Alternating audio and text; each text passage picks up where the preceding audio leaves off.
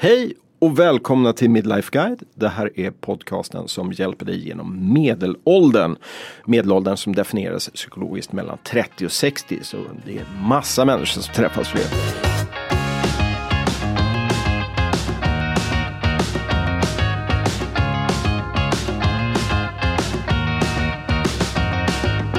Jag sitter här med mina goda vänner. Carl-Johan Werner, civilekonom, entreprenör, skådespelare och allmänt förvirrad medmänniska. Och Angela. Ja, jag heter Angela Ahola och jag har forskarbakgrund. Jag har doktorerat i psykologi och idag så jobbar jag som författare. Och jag heter Peter von Satzker och eh, har jobbat inom media och tv i ja, hela min karriär och kommunikation. Och vi alla delar vi det att vi är medelålders. Och i det här avsnittet idag kommer det handla om karriär, pengar och status. Och det som är extra spännande är att du faktiskt har skrivit ner en bok om just status och eller kanske alla de här ämnena. Angela. Ja, det stämmer och jag tycker det här temat är ju det är någonting som har liksom både förbryllat och fascinerat mig under, under massa, massa år. För att jag, jag tror att det är precis som ni, så, så träffar man folk och man ser att det här med status karriär, att det är, någonting, det är en röd tråd oss människor på något sätt, våra relationer och våra ambitioner. Det bara finns där. Ja, men jag tror att det är mycket viktigare än vad vi tror.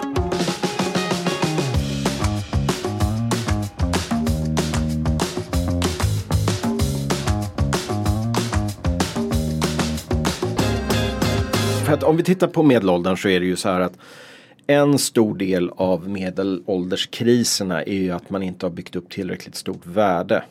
Uh, och vi kan gå in på vad värde är sen för att det är ju faktiskt väldigt subjektivt egentligen.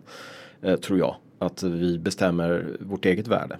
Men ett av värdena man döms av av samhället är ju hur mycket man är värd i, i form av pengar. Jag måste bara säga, vet ni att det här med status, det är faktiskt något, det är en egenskap som hjälpt oss människor att överleva, både som art och som individ. Därför att vi, den, de liksom artfränder som blev duktiga på att jämföra sig med varann, de överlevde mer sannolikt. Vi säger att det finns käk i vår grupp och vi kanske tio pers. Och då vet jag om jag är nummer tre, då vet jag att då är det nummer ett som käkar först och då får jag liksom backa. Men hur fan vet man det då? Att bland människor så är det ganska detaljerat samtidigt som vi kan vara på jobbet så kan jag vara liksom hackkycklingen. Okej, okay, så vi har, olika, eh, vi har olika graderingar och nivåer i olika gruppkonstellationer. Ja. Så vi kan ha det hemma kan jag vara nummer två och min fru är nummer ett men på jobbet så kan jag vara nummer ett? Ja. Okej. Okay. Och i korplaget eller i BRF då sitter du i styrelsen. Då är du the big boss. Ja just det, okej. Okay. Och där, ja. Det är de som är värst. Ja. De som har det så jävligt på jobbet och hemma så att de söker sig till, till bostadsrättsföreningens styrelse och blir ordförande. Så sant. De är så farliga. De ja, jag har precis blivit invald i vår bostad mot min vilja. Men gå var... ur. Ja. snabbt, snabbt. För fan, gå ur. Men status kan väl komma från väldigt många olika saker. Om vi börjar med pengar då som uh, vi är inne på. Så jag menar, se, du har ju faktiskt lämnat ett uh, börs jobb för att bli skådespelare och inte alls ha samma säkra tillgång till eller, pengaflöde. Nej, det är, det är sant. N när du valde att, att jobba i den svängen och kände att jag är inte lycklig i det här egentligen. Gjorde du det för att det gav dig en viss status? Att... Jag tror att delvis så har jag valt mina uppdrag för att eh, det ger mig status. Att sitta i styrelser och börs och sådana saker. Det var ju skithäftigt. Men när, när, jag väl, när jag väl blev det då var det liksom inget kul längre. Nej. Jag förstår det jättemycket. Men det är också, för vi har ju en, det är också vem man umgås med. Uh, man, man tränger in sitt hörn lite grann med den umgängeskrets som man har också. Om man har en umgängeskrets som där väldigt många människor sitter på mycket pengar. Då eh, kanske man känner ett behov av att hålla kvar i det, att ha samma värden som de andra i umgängeskretsen har. Det beror lite på. Ja. Därför att det finns ju gäng och det finns gäng. Det finns gäng som där man har en gemensam nämnare och det är pengar. Sen finns det ju gäng som där någon råkar ha ärvt ett gods eller någon har råkat ärva någonting. Och, men där, har man liksom, där hittar man andra gemensamma knytpunkter om det, om det är eh, krök, om det är jakt eller filosofi eller vad fan det är.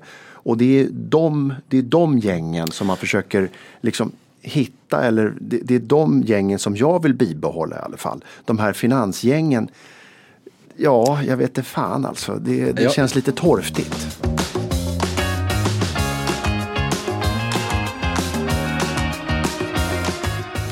Men eh, när börjar, den här, eh, när börjar hierarkin uppstå? Redan i barnleken? De, det, det, finns ju, och hierarkier har alltså, jag, jag, nämnde att de har hjälpt oss att överleva därför att den som hade mest status i liksom min så kallade grupp den hade första tjing på maten. Det var mer attraktiv för potentiella partners. Man hade bästa sovplatsen. Så att det har verkligen hjälpt oss att överleva. Så att människor med status är intressanta. Och det handlar om resource allocation brukar man kalla det. Och det är liksom den som har status har mer resurser, alltså är den mer sannolik att överleva och dens barn mer sannolika att överleva och så vidare.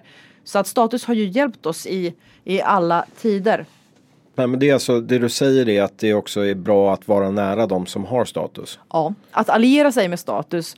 Det är, man har sett även bland schimpanser så, så tar de sig många gånger själv liksom till statuspositioner genom att just umgås och hänga med de andra som har status. Så att man kan liksom på det sättet liksom bearbeta systemet. Jag har haft många chefer som har varit schimpanser faktiskt. Ja. Eh, och det kan jag säga det att i, just arbetslivet så har jag ofta känt i, i mitt liv hur, eh, och speciellt ju högre upp man har kommit, hur mycket folk smörar för, för de högsta.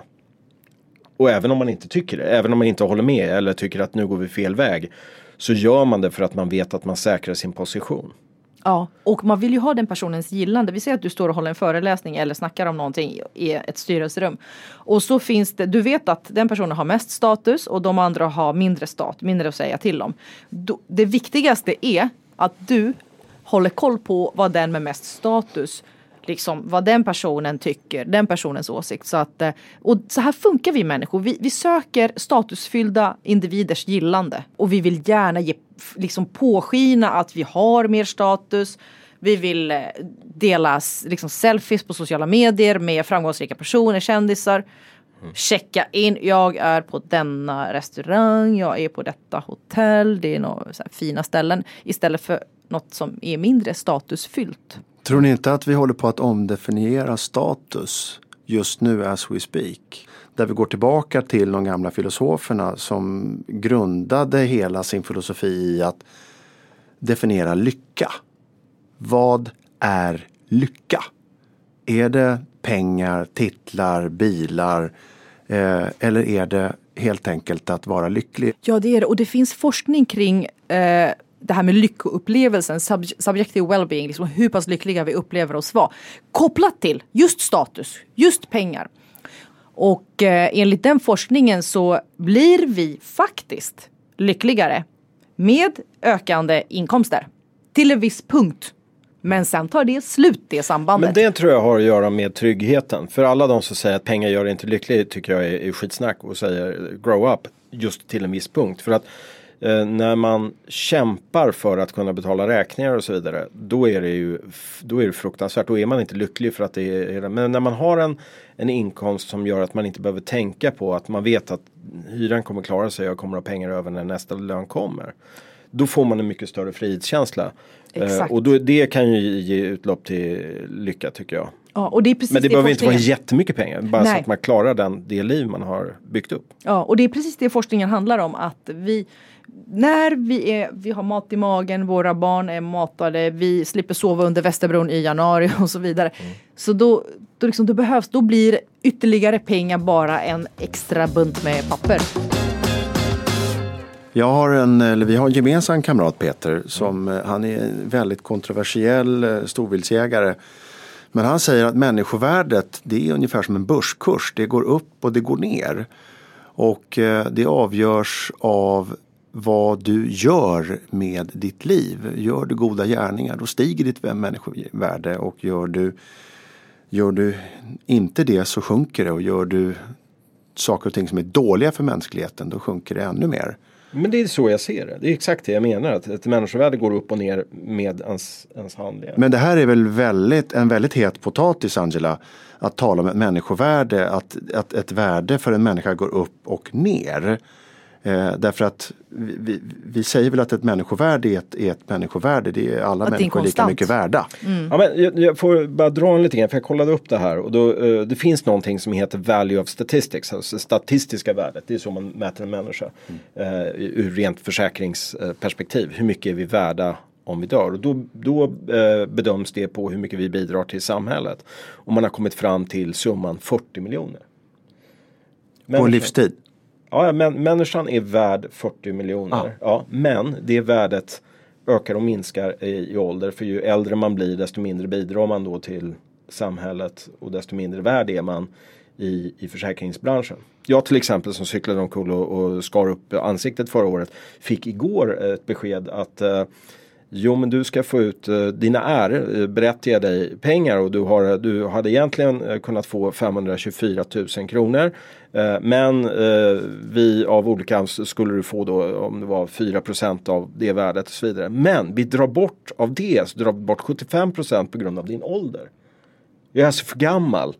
Så att det blev inte mycket pengar kvar i, i slutet eh, för att de tyckte att men du är 48 år så att det inte är så farligt längre. Kan man inte deala lite med det att okej okay, jag är värd 40 miljoner, kan jag få 10 procent Ja det kan man ju göra. Man kan ju i alla fall diskutera och det, det står att du, om du vill överklaga det här så kan du få göra det. Men jag vet inte riktigt hur man ska överklaga och säga att men vad fan jag tycker att jag är värd mer. Men deras beräkningar är väldigt intressant att se på vad mitt värde egentligen är.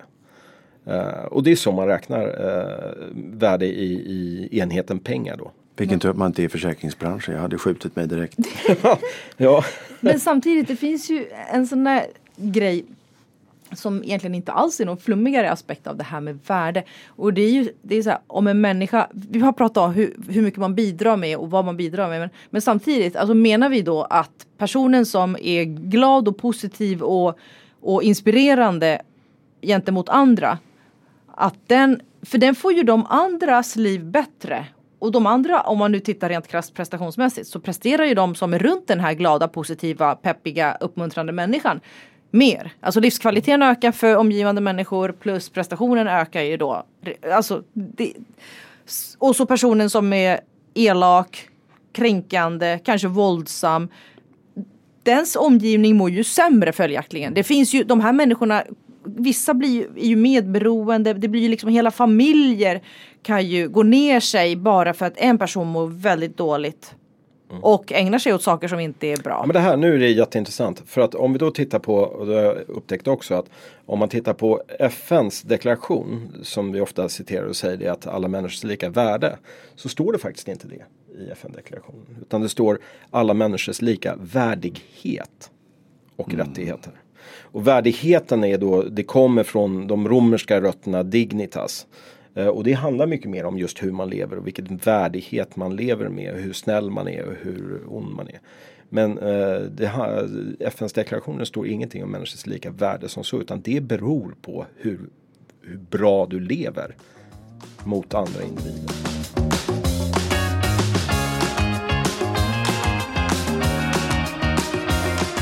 Jag växte upp med, jag växte upp i en familj som hade det väldigt gott ställt. Och det gick upp och ner. Pappa var entreprenör och eh, ibland så var det jättebra, ibland var det väldigt dåligt. Men han höll alltid uppe sin sociala status eh, på något sätt. Han var väl kanske skyhögt belånad vissa, vissa stunder och annat. andra stunder var han lägre belånad och hade, hade pengar på kontot. Men eh, i, i finanskrisen i början av 1990-talet så, så plockades allting ifrån honom och ifrån familjen. Och vi eh, blev av med hus i Frankrike, bilar och båtar och slott i Sörmland och gårdar och, och allt. Det försvann. Vi stod bokstavligt talat eh, med varsin resväska med våra gångkläder. Och vi hamnade i ett, vi hyrde ett litet torp efter, efter allt det här skiten. Eh, där min bror och syster och jag vi bodde i källaren som var lite möglig. Det fanns inget vatten. Och det här är, det här är dagens sanning. Och eh, det var ju förjävligt förstås. Eh, det var ju skittråkigt. Men vi förstod väldigt snabbt, hela familjen. För mamma lämnade inte pappa utan vi blev liksom en ett, ett, ett, ett, ett sammans, ännu mer sammansvetsad familj. Då förstod jag att det finns något som heter lyckofaktor. Och lyckofaktorn den har ingenting med pengar och status att göra. Skalar man av allting så är det liksom vad gör mig lycklig? Sen måste man kunna äta sig mätt och sådana saker. Och med det här i bagaget, jag var ju bara tonåring då, men med det här i bagaget så, så har mitt, mitt mål eller min, min, min, min drivkraft har varit att hitta den där lyckan. Att få upp, att få upp eh, ratingen på lyckofaktorn. Och då har jag förstått att det har inte med status att göra. Det har inte med pengar att göra. Fast det har ändå tagit dig till 40, vad det nu är, hur gammal är du? 40? 45. 45.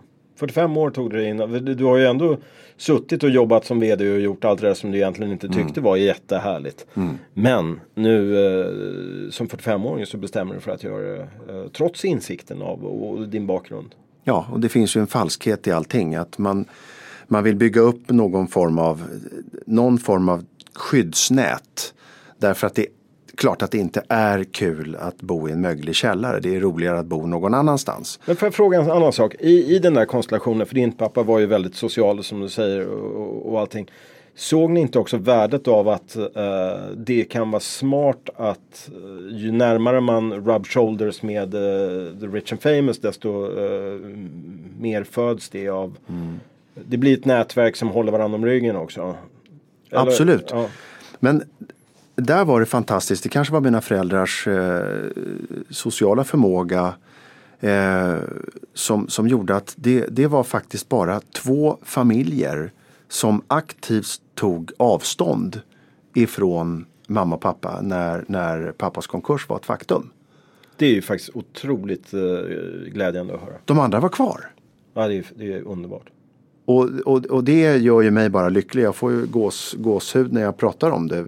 Jag kommer, man tänker på liksom man bara bär bar runt grejer och det, det är liksom, vi, vi tankade bilen med 20-lappar i sedelautomater. Och, men kompisarna var kvar och mina kompisar var kvar också. Jag gick på Sigtuna på den tiden så jag var, jag var ju livrädd när pappa eh, kölhalade honom för, i då, då var du rädd för att din status skulle fallera? Egentligen. Nej, inte, jag var inte rädd för att min status skulle fallera utan jag var rädd för att mina kompisar skulle tycka att eh, jag, var, jag var ointressant eller jag ja, men inte det samma dumt. Sak?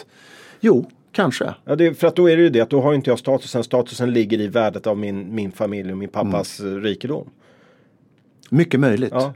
Men jag var rädd för ja, att jag, jag skulle tappa det. mina vänner. Jag, är jätte, jag har stor förståelse för det. Och ja. eh, det som var fantastiskt glädjande det var att eh, pappa, pappa kölhalade sig TV4 och eh, vad kompisarna sa då det var att då började de berätta om sina föräldrar, någon pappa som hade, som hade, de hade skrivit någon elak artikel om honom. Så att plötsligt så de sa vi skiter i det. Vi skiter att uh, ni har gått i konkurs. Ja, för att du är en ja. jävligt skön person. Vi gillar dig. Jag tycker vi ska prata lite grann om någonting som vi sa förra gången och det är uh, nu var vi inne på det om pengar och så vidare, ha någonting, men att, att ha pengar i en relation. Min, min fru har haft råd nu, nu jag är i en startup på samma sätt som du berättade i, i, i början, ser jag att uh, ja, men jag kan betala för semestern. Och då har jag haft problem med det. Fan, men jag måste, vara, jag måste kunna få bidrag. Jag måste betala lika mycket. Eller jag ska vara den som betalar. Och så frågar hon, ja men om vi vänder på det här och, och du, om det var tidigare då när, när, när du betalade och, och jag hängde på. Och då har jag inga problem med det överhuvudtaget.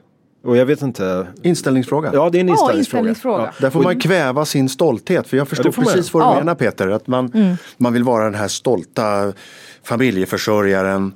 Men fuck it. Ja, ja det är ju förlegat eh, och, och så vidare. Men det är också det där lite att nej men jag ska, jag ska minsann, ingen ska kunna säga att jag på något sätt lever på på hennes, hennes ekonomi nu utan ja. alla ska se att jag minsann klarar det här själv liksom. Uh, och det, det har väl att göra lite med status kanske, eller jag vet inte. Det kan ha att göra med det och förmodligen kanske det spontant, eller hur? Att det, det kanske har på något sätt att göra med att man för status handlar ju mycket om så här, det går från att leda till att följa och då kanske man på något sätt känner att man har trillat några hack i den här inbördes, vad vet jag, det finns säkert olika anledningar mm. till att man känner så. Ja, ja, absolut. Men det är en inställningsfråga tror jag. Vad har vi kommit fram till om vi ska summera det här?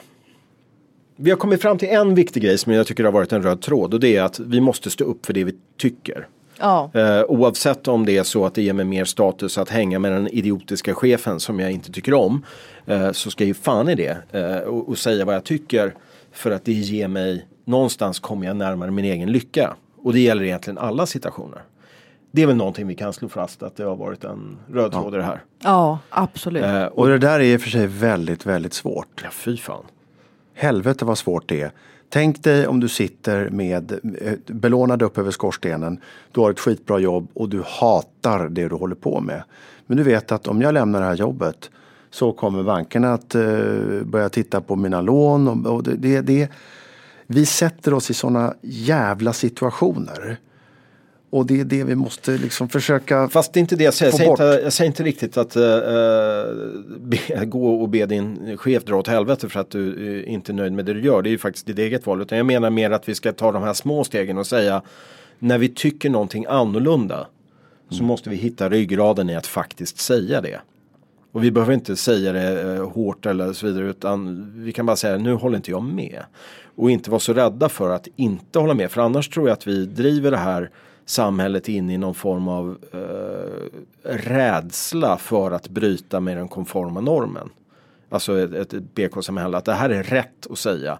Därför tycker jag eh, så får jag inte uttrycka vad jag egentligen känner. Men jag tror för din egen lycka så kommer det vara fördärvande att inte våga stå upp för vad man faktiskt tycker. Och ju mer man vågar stå upp för det man tycker, desto närmare hittar man sin egen identitet. För samtidigt, ju mer fokuserade vi blir på status så blir vi samtidigt också lätt mindre fria. Mm. Så jag, jag, tror att vi behöver rannsaka oss själva när det kommer till vilka beslut, vilka jobb, varför vill jag ha det här jobbet? Är det status som styr? Mm. Den här utbildningen, är det status? Eller är det min passion, mitt intresse, det här huset eller bo? Ska jag bo i den här delen av Stockholm eller den här staden som jag bor i? Är det på grund av att det ger sken av status? Eller är det för att det är här jag verkligen trivs? Jag ser liksom att vi alla är uppe och flyger och sen så status det är ingenting som kommer utifrån mig utan det är hur jag tittar på tillvaron och ser ja om jag, om jag skaffar det där och det där och det där och det där och gör så och så och så då får jag status och då imponerar jag på andra människor och då kanske de vill vara med mig därför att jag ger ett intryck av att jag är på det här viset. Ja men tyvärr funkar det ju. Ja. Det är ju så det som är grejen. Så, så har det alltid funkat. Om man, om man äh, klär sig på ett visst sätt äh, och bär vissa symboler, ja. vilket det handlar om. Ja. Äh, så, så meddelar man ju också för gruppen att titta här, jag tillhör er. jag är, och då är gruppen också mer villig att släppa in dig mm. på grund av de attiraljerna du, du bär. Ja, så att, precis. Det, det, det, det, och jag vet inte om det är, jag vet inte om vi ska eller om det är eftersträvansvärt att göra det. Däremot ju äldre vi blir så tror jag att vi måste bli mer trogna oss själva. Och du får gärna ha, jag har inga problem med människor som tycker att ja, men det är eh, superballt att köra den här så, så länge de står för det. Ja. Så länge de står för att det här är fan. Mm. Jag tycker det är skitstekigt att, att köra i min sportbil och gå klädd i de här kläderna och ja. ha jävligt dyra solbriller och, och, och steka på med champagne och så vidare. Då ska jag tycka att du, du är ju en clown. Ja men jag tycker det är ballt. Jag tycker ja. det är skitball i det liksom. Ja, fan. Så länge du står för det så är jag så här. Ja då är det okej okay på något sätt. En, en annan, en, ett annat ord som, som jag tänker på rätt ofta det är självdistans. Ja det är bra. Du måste våga driva med dig själv. För få människor gör det. Men det är väl en självsäkerhet. Och nu mm. tror jag att jag hittar pudelns kärna. Lite grann i varför vi upplever varandra som sexiga och attraktiva och också hög status. Och det tror jag är utstrålningen av självsäkerhet. Mm. Den individen som skiter i vad andra tycker och bara är så jävla trygg i sig själv och visar upp det. Det är den individen som alla andra kommer dras till. Och det är han som kommer sätta normerna. Sen kommer den, han eller hon få ett problem och det är att alla andra kommer försöka imitera den. Uh, och det måste vara jävligt irriterande. Men, det är så. Ja. Då tittar man på det första intrycket, psykologi och socialpsykologin generellt, är det faktiskt så att det är två egenskaper vi läser av hos våra medmänniskor det första vi gör. Och det är inte bara första gången vi ses, det är andra och femtioelfte gången. Och det ena är värme, snedstreck pålitlighet. Ja. Liksom. Och den, det andra klustret av egenskaper det är precis status, makt, dominans, kompetens, självförtroende. Allt som på något sätt liksom tar upp oss i statushierarkin. Och det här har, vi har funkat så här och vi funkar så fortfarande. Och de här, vi vill ju gärna, när, när vi träffar dem, vi vill ju att de ska tycka att vi är schyssta och sympatiska. Ja, ja. Och vi vill ju att de ska tycka att vi är kompetenta, mm. att vi har status, alltså att vi är någon. Mm. Och vi vill att gruppen ska gilla oss. Mm. Vi, vi strävar hela tiden efter, efter andras eh, om eller tycke eller mm. vad man ska säga. Och det häftiga med eh, din sammanfattning självsäkerhet, jag gillar den. Därför att det handlar inte om status, det handlar inte om klasstillhörighet, det handlar inte om någonting annat än att det du utstrålar, det är en ärlighet. Att du mår bra i dig själv så som du är. Ja, det är bra. Det är bra. Det tycker jag är... Huvudet på spiken. Ja, det är nästan så att med de orden att vi ska faktiskt ta och säga tack för oss den här gången. Ja, vi ska också tacka Clarion för att vi får vara här. Det, de är otroligt fina och eh, jag vet att du åt en fantastisk middag. Ja, jag, eh, jag kom ju alldeles för tidigt därför att det var ingen som sa till mig att vi skulle ses klockan 19. Nej, så då kom jag hit och då hade de öppnat upp och jag åt en fantastisk lax och hällde i med en flaska rosévin. Underbart. Nej, härligt. Tack, Tack Clarion.